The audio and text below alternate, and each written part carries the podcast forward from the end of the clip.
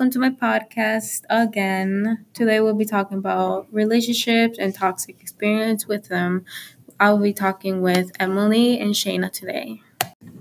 So my first question for you guys is what is your experience in your past relationship? You guys can go whichever.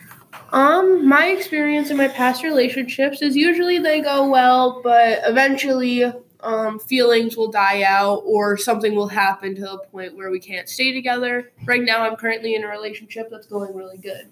That's really good. Um, my past experience with my relationships, they always end in a mess. And it was never when the love would like disappear and not work out. It was always their first move to like leave or, for example, cheat.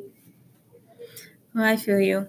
I've got cheated many times, but at the same time, I really didn't care as much. Like, I didn't feel like in love with the person, so I really didn't care much. I'd be like, oh, it's whatever. Right. But um, my last relationship was actually really good to the point where I actually was in love with this guy. But he ended up cheating, and then I forgave him, and then he ended up leaving me, and, And, then it's it's a been vicious cycle. yes, exactly. So it's like on and off. It's it was bad, but it's it's whatever. That's it's whatever. So have you guys ever been experienced with being cheated on or cheating?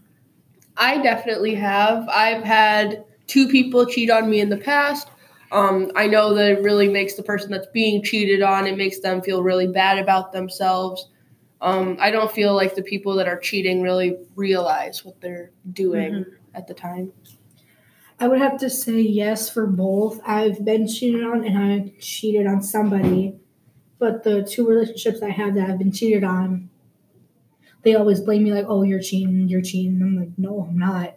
But the one time I did cheat, it was to get back at him for cheating on me. I see. So payback. Payback is a bit. Uh, I've always been cheated on, but I've never cheated. Well, I did once, but it's a really long story. That's for another session.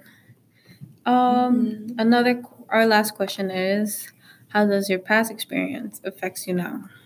Like the unloyalty, does it affect you? Like I'm with your definitely relationships? I'm definitely more careful in relationships now and I know what to look out for for like signs of cheating. Like if they're becoming very distant or you're not able to see their phone or anything mm-hmm. like that, that's usually a sign that things are either going wrong or that they are interested in someone else. Mm-hmm. I think it what being unloyal and having that, that affect me now. To be very honest, I've been afraid to be in relationships, not no, no not knowing if you're gonna get hurt or if they're gonna cheat and lie to you. Mm-hmm. So I think it does affect how people feel about themselves now.